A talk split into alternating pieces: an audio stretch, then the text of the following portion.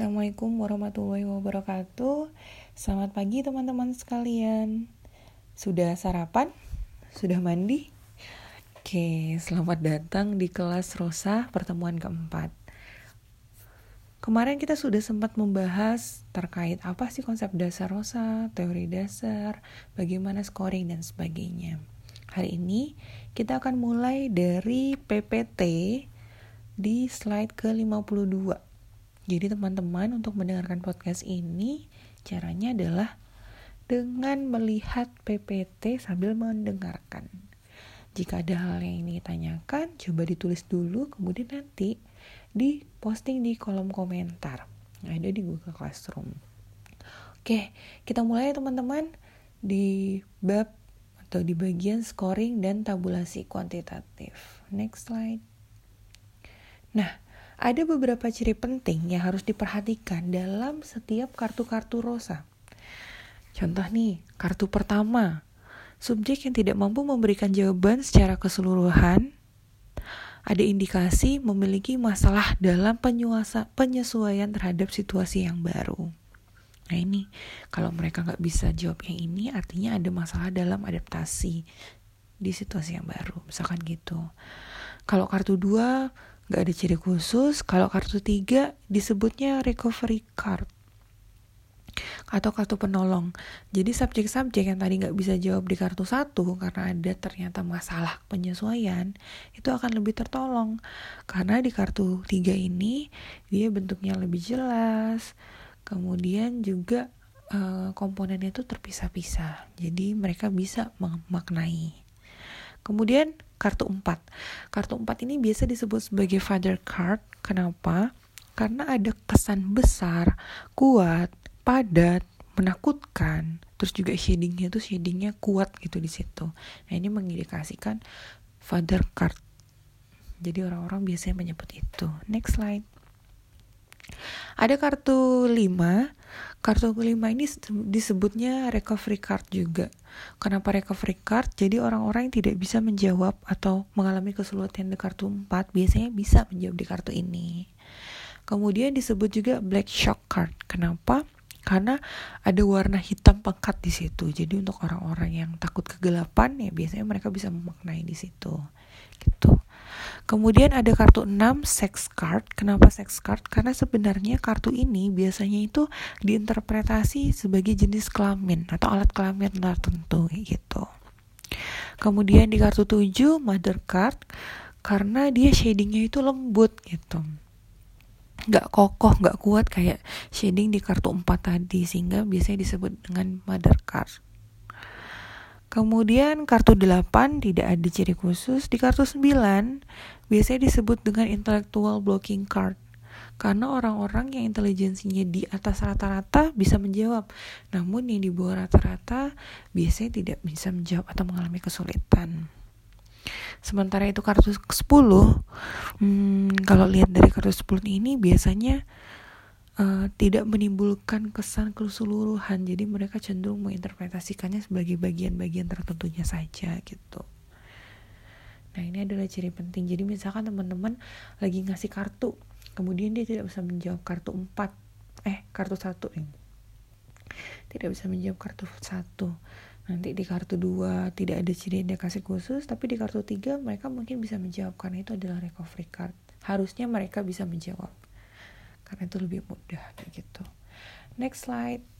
Nah ini score FLR berupa angka. Jadi dalam scoring skor terendahnya itu adalah minus 2 jadi kalau dilihat dalam kontinum itu ada minus 2, minus satu setengah, minus 1, minus 0,5, 0, 1 sampai skor tertinggi yaitu plus 5 dan interval tiap skornya itu adalah 0,5 teman-teman Kemudian bagaimana sih pemberian skor FLR?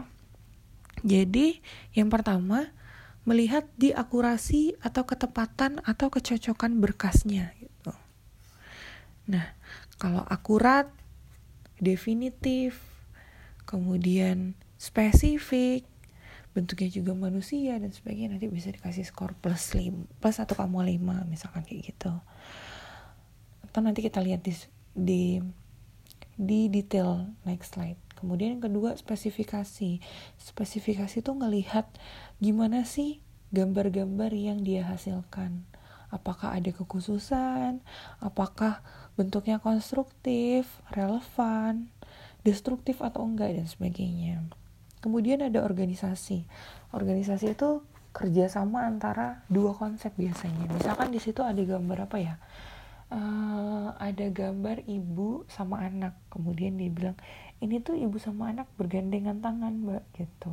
Nah itu berarti ada nilai pengorganisasian di situ. Jadi kita bisa tambahkan plus 0,5 tadi juga yang spesifikasi kita bisa tambahkan plus 0,5 kayak gitu.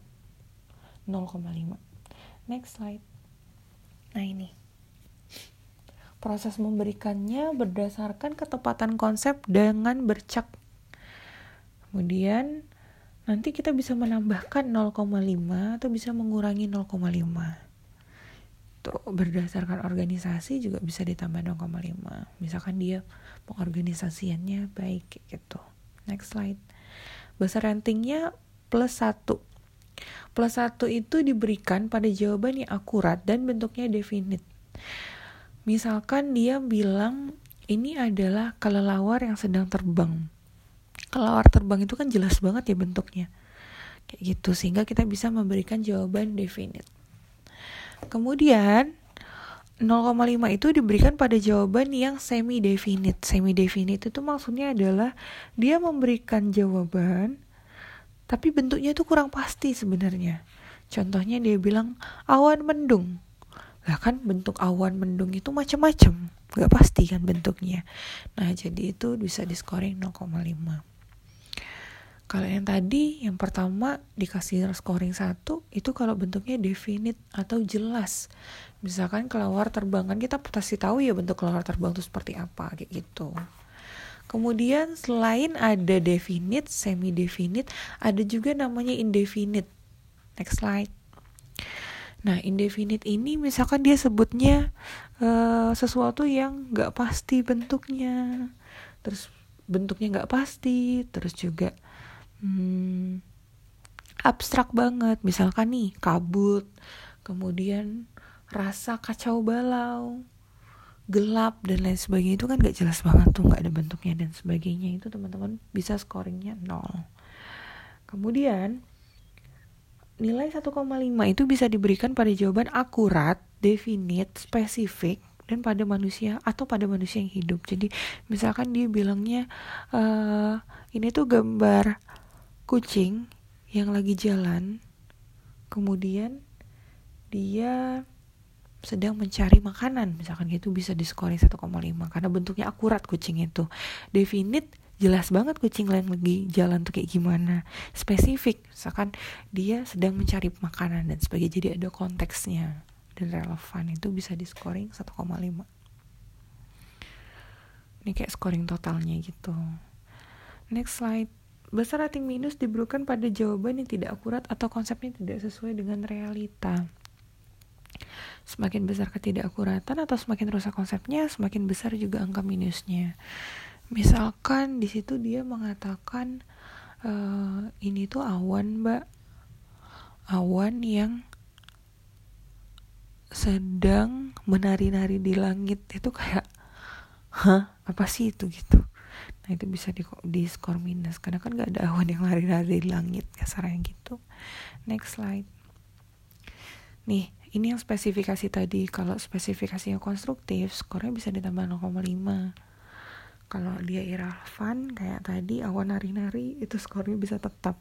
Atau spesifikasi destruktif destruktif maka skornya dikurangi 0,5 misalkan awan yang sedang melompat-lompat di langit. Kayak gitu. Next slide organisasi. Adanya kerjasama antara dua atau lebih gerakan. Yang kayak tadi ibu dan anak sedang berpegangan tangan. Kalau bisa biasanya kita bisa nambahin skor 0,5 next slide. Ini contohnya teman-teman. Kartu satu posisi kayak hmm, apa ya kayak V V terbalik. Itu mengindikasikan bahwa ketika dia menyebutkan seperti kelelawar kartunya itu posisinya ya posisi biasa gitu yang sudah kita tentukan di awal. Tapi kalau bentuknya V berarti posisinya mungkin dia nilainya terbalik waktu itu. nah jawaban performance propernya ini tuh kayak kelelawar mbak gitu. Terus kalian inquiry bagian mana sih dari bercak yang kamu lihat seperti kelelawar gitu. Terus dia bilang semua. Apa yang bikin kamu berkesan seperti kelelawar? Ada bentuknya gitu. Tolong jelasin lebih lanjut tentang kelelawar yang kamu lihat sayapnya itu terbentang mbak. Jadi kelelawar itu sedang terbang misalnya kayak gitu. Terus kita scoring nih L locationnya wall karena dia lihat kelawarnya itu sebagai suatu keseluruhan. Kemudian D determinan itu FM. Jadi nilai F itu diberikan F di depan pada hal-hal yang sifatnya definite yang tadi itu teman-teman. Jadi kan kelawar terbentang lagi terbang itu sangat jelas bentuknya pasti. Jadi F nya di depan kayak gitu. M karena dia movement nah ini ditambahin M besar di belakangnya. Jadi kelawar terbang FM gitu. Terus C kontennya. Kontennya itu ini kan kelawar termasuk binatang ya berarti animal. Ini jadinya A populer atau enggak sih jawaban kelawar itu menurut P ini populer atau enggak sih jawaban kelawar menurut banyak orang populer gitu. Kalau populer berarti kita tulis P kemudian nanti kita bisa menjumlahkannya dia. Tuh. Next slide. Ini. Uh, oh sebelumnya. Uh, dari formula form level ratingnya kita nilai. Tadi kan dia menyebutnya kalawar sedang terbang. Nah itu kalau kita lihat dari nilai tadi uh, akurasinya kira-kira kita bisa nilai berapa ya? 0,5 kah? Kalau 0,5 berarti mungkin disebutnya ini cuman ini adalah kalawar gitu yang lagi terbang. Tapi kalau di sini kan dibilang ini kalawar terbang dan sayapnya terbentang gitu. Jadi kita bisa scoring satu. Gitu. Nanti untuk scoring uh, mudahnya teman-teman bisa lihat di bukunya Pak Bandi sama Bu Ratna yang ditunjukin Pak Banyu itu mudah sekali untuk lihat dari sana. Kemudian next slide contoh kedua posisinya uh, ada uh, apa namanya ada simbol lebih kecil. Nah berarti dia memutar kartunya gitu teman-teman. Jawabannya bagian hitam seperti awan mendung yang gelap. Bagian hitam seperti awan mendung yang gelap warnanya hitam. Tolong tunjukkan bagian hitam mana terus dia nunjukin apa yang bikin kamu berkesan seperti angin langit men, awan mendung? Ada kesan bergumpal-gumpal mbak seperti awan di langit gitu? Kemudian scoringnya L secara location mungkin tidak wall tapi ada sebagian sehingga kita bisa scoring itu sebagai D. Kemudian uh, determinannya kita scoring juga. Nah scoring yang si ini kan awan mendung gelap itu tuh nggak nggak definitif. Itu nggak definit itu inde semi definit jelas sih bentuk awan tapi ya kurang pasti.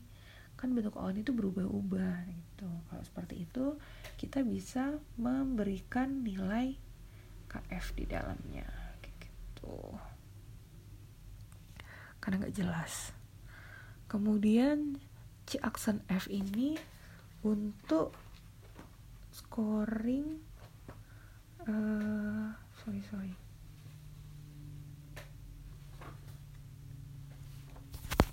Bentar ya teman-teman. Jadi untuk C aksen F itu mengindikasikan warnanya. C aksen itu biasanya digunakan untuk jawaban yang warnanya itu hitam, abu-abu, putih gitu Kemudian C, kontennya apa sih? Kontennya awan, ditulis awan. Populer apa enggak? Jawabannya tidak populer. Sehingga FLRN-nya dari semua ini dinilai 0,5. Jadi FLR itu penjumlahan. Sebenarnya dari skor L, skor D, skor C, skor P. Kemudian next di contoh kartu 3 nih, misalkan kucing lagi jalan warnanya hitam belang abu-abu. Tampak juga bulunya terkesan halus. Ini kepalanya menengok ke belakang L-nya kita nggak tahu sih ini dia wall atau cuman sebagian. Misalkan wall berarti ditulis wall sebagian ditulis D. Determinannya apa sih? Bentuknya kucing kan pasti ya berarti F-nya di depan. Kucingnya sedang menengok ke belakang lagi jalan berarti F besar M besar. Kemudian warnanya kayak apa sih? Kalau dia bilang warnanya hitam belang abu-abu. Ini kan sama kayak yang tadi tuh berarti C aksen berarti F C aksen kayak gitu Kemudian C, kontennya apa sih? Kalau ini kan binatang, berarti animal, berarti A. Populer nggak sih jawaban kucing itu? Nanti kita lihat di belakang lembar uh, eh buku tes rosanya Pak Bandi itu ada tulisan yang populer apa sih gitu di setiap kartu. Kalau di sini di kartu satu jawaban kucing itu misalkan nggak populer berarti di strip. Habis itu kita tambahin berapa hasilnya. Next slide. Contoh kartu 4, dua orang, ibu dan anak sedang bergandengan pakai rok panjang. Tangan anak itu menunjuk sesuatu. Locationnya mungkin wall, kita bikin W. Determinannya bentuknya definite, berarti F besar. Kemudian juga dia bergerak nih lagi bergandengan tangan. Anaknya nunjuk sesuatu berarti FM kayak gitu. Ada warnanya nggak sih? Nggak ada. Berarti C, C-nya nggak usah di ini. Kemudian kontennya C-nya C-nya apa sih ini? Kalau ada dua orang berarti manusia kan, berarti human figure. Nah, atau human object berarti H OBJ gitu. Populer nggak sih jawaban ibu sama anak? Kalau kartu 4 itu kan father card ya, kecuali di mother card. Karena dia tidak populer di strip. Habis itu baru kita jumlahin FLR-nya berapa. Next slide. Nah, untuk tabulasi teman-teman bisa lihat di halaman 153 sampai 160. Tabulasi ini adalah persiapan untuk interpretasi sebenarnya. Jadi, dari jawaban yang ada di lembar jawaban, teman-teman akan pindahkan ke lembar tabulasi. Nah, teman-teman bisa lihat di uh, foto atau di uh, ya di foto yang akan saya kirimkan bersama dengan PPT ini dan juga bersama link podcastnya. Teman-teman bisa lihat. Jadi kita memindahkan dari lembar jawaban ke dalam lembar tabulasi. Habis itu di bagian belakangnya kita bikin siklogramnya nih. Nah, dan kita mengisi rumus-rumusnya kayak gitu. Nah ini koreksi lembar tabulasi hmm, ini koreksinya ya lembar tabulasi yang dibikin tapi bukan yang ada di itu jadi nggak usah diabaikan aja next slide nah di halaman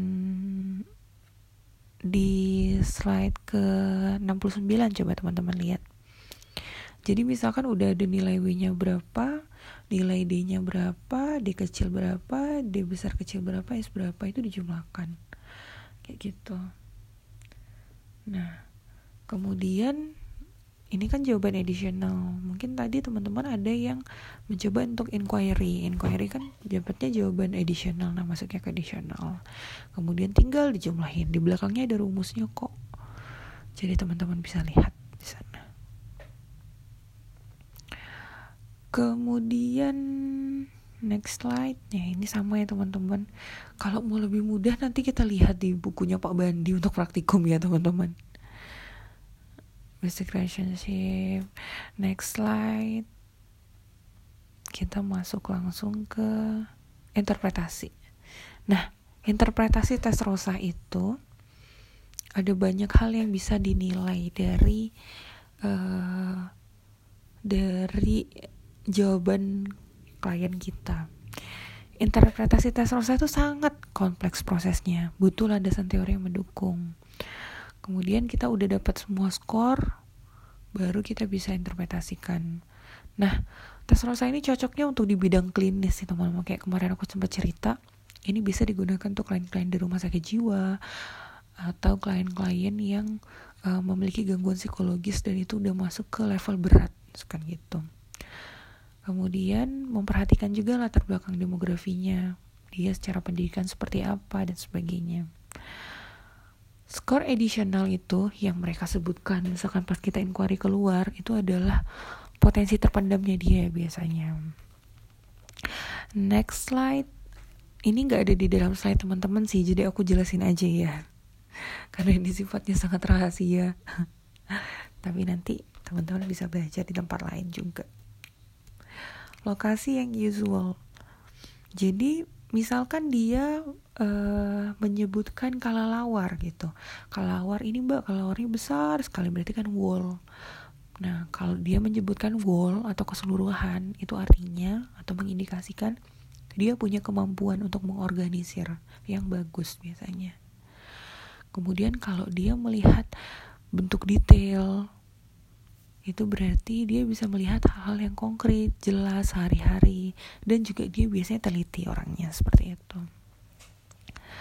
Kemudian misalkan dia kecil dia kecil berarti dia tuh sangat teliti, punya obsesi tertentu.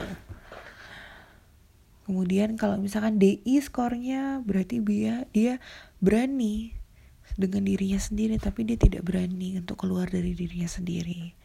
D kecil E kecil berarti dia tidak berani untuk masuk atau dia orangnya itu cenderung yang kayak ya aku hmm, kenal sama kalian ya oke tapi aku nggak berani ngobrol sama kalian misalnya gitu jadi dia tuh skornya pinggiran-pinggiran aja Kemudian DR, D kecil R kecil, biasanya fleksibilitasnya oke. Okay. Kemudian S, kalau S tuh biasanya orangnya cenderung oposisi atau uh, rebel biasanya gitu. Kemudian scoring determinan. Kalau scoringnya itu F besar, biasanya dia bisa melihat realitas dengan baik. Kalau M besar, super egonya bagus kontrol dirinya bagus F besar M besar berarti it atau dorongan dirinya itu baik bisa kayak gitu misalkan M kecil. Berarti dia mas dia punya kecenderungan ngerasa dirinya itu nggak berdaya tidak berharga dan sebagainya. K besar dia cenderung untuk berjarak dengan orang lain. K kecil cenderung menutupi masalah dia. Dia orangnya cenderung memendam dan tidak bercerita ke orang lain. Dengan manipulasi-manipulasi kayak dia menunjukkan kepintarannya sebenarnya di balik itu banyak permasalahan yang terjadi dan sebagainya. C kecil ada kecenderungan bergantung. Nah, dalam determinan warna, misalkan dia mau warnanya, eh dia scoring warnanya C aksen. C aksen tuh biasanya untuk warna-warna selain hitam. Eh, warna-warna yang kayak hitam, abu-abu, putih. Nah, itu indikasinya ada kecemasan dalam hubungan sosial. Ternyata dia mungkin ada riwayat apa ya? menarik diri, depresi, dan sebagainya.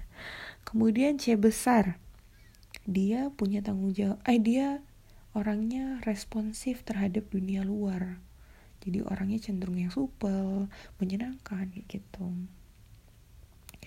Kemudian hmm, konten, variasi kontennya mengindikasikan keluasan wawasan kan biasanya di konten itu ada animal kemudian ada human kemudian ada lainnya banyak sekali itu mengindikasikan wawasannya luas atau enggak sih gitu kalau wawasannya luas beragam banget kontennya berarti intelektualnya baik tapi kalau sempit dia cuma banyak nyebutnya a animal aja biasanya intelektualnya kurang atau secara kognitif dia kurang namun konten ini juga sangat dipengaruhi budaya setempat. Jadi untuk interpretasi harus banget dipertimbangkan. Misalkan ada orang-orang di budaya tertentu, contohnya apa ya? Orang-orang di Afrika gitu yang biasanya banyak berinteraksi dengan binatang-binatang. Mungkin dia akan mengeluarkan konten itu binatang semua tapi teman-teman tidak bisa menginterpretasi dia kayaknya kurang pinter. Karena memang sebenarnya apa yang dia lihat dan sehari-harinya hanya seperti itu gitu. Jadi mempertimbangkan faktor budaya. Karena tes kalau satu kan sangat tes proyektif ya teman-teman. Jadi gimana kita menginterpretasi juga sebenarnya tergantung jam terbang kita dan kepekaan kita terhadap banyak faktor kayak gitu. Next slide. Oh kalian nggak ada ya? Populer. Populer itu kemampuan mengindikasikan dia memiliki kemampuan untuk merasakan dan melihat yang sama dengan apa yang orang lain lihat.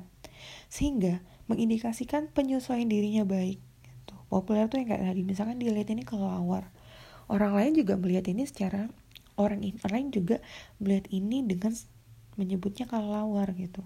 Sehingga kemungkinan besar dia punya banyak kesamaan dengan orang lain dan penyesuaian dirinya bagus gitu. Kemudian FLR kualitas jawaban. Melihatnya kan dari kualitas jawaban. Mengeti mengestimasi dia secara intelektual gimana sih baik atau gimana sih gitu. Next slide. FLR tertinggi misalkan tinggi sekali nilainya indikasinya potensinya di atas rata-rata nih gitu. Atau misalkan skornya rendah sekali biasanya mungkin dia secara intelektual kurang atau dia belum nyaman menjawab pertanyaan dan sebagainya jadi harus dicari tahu juga dasarnya apa. Kemudian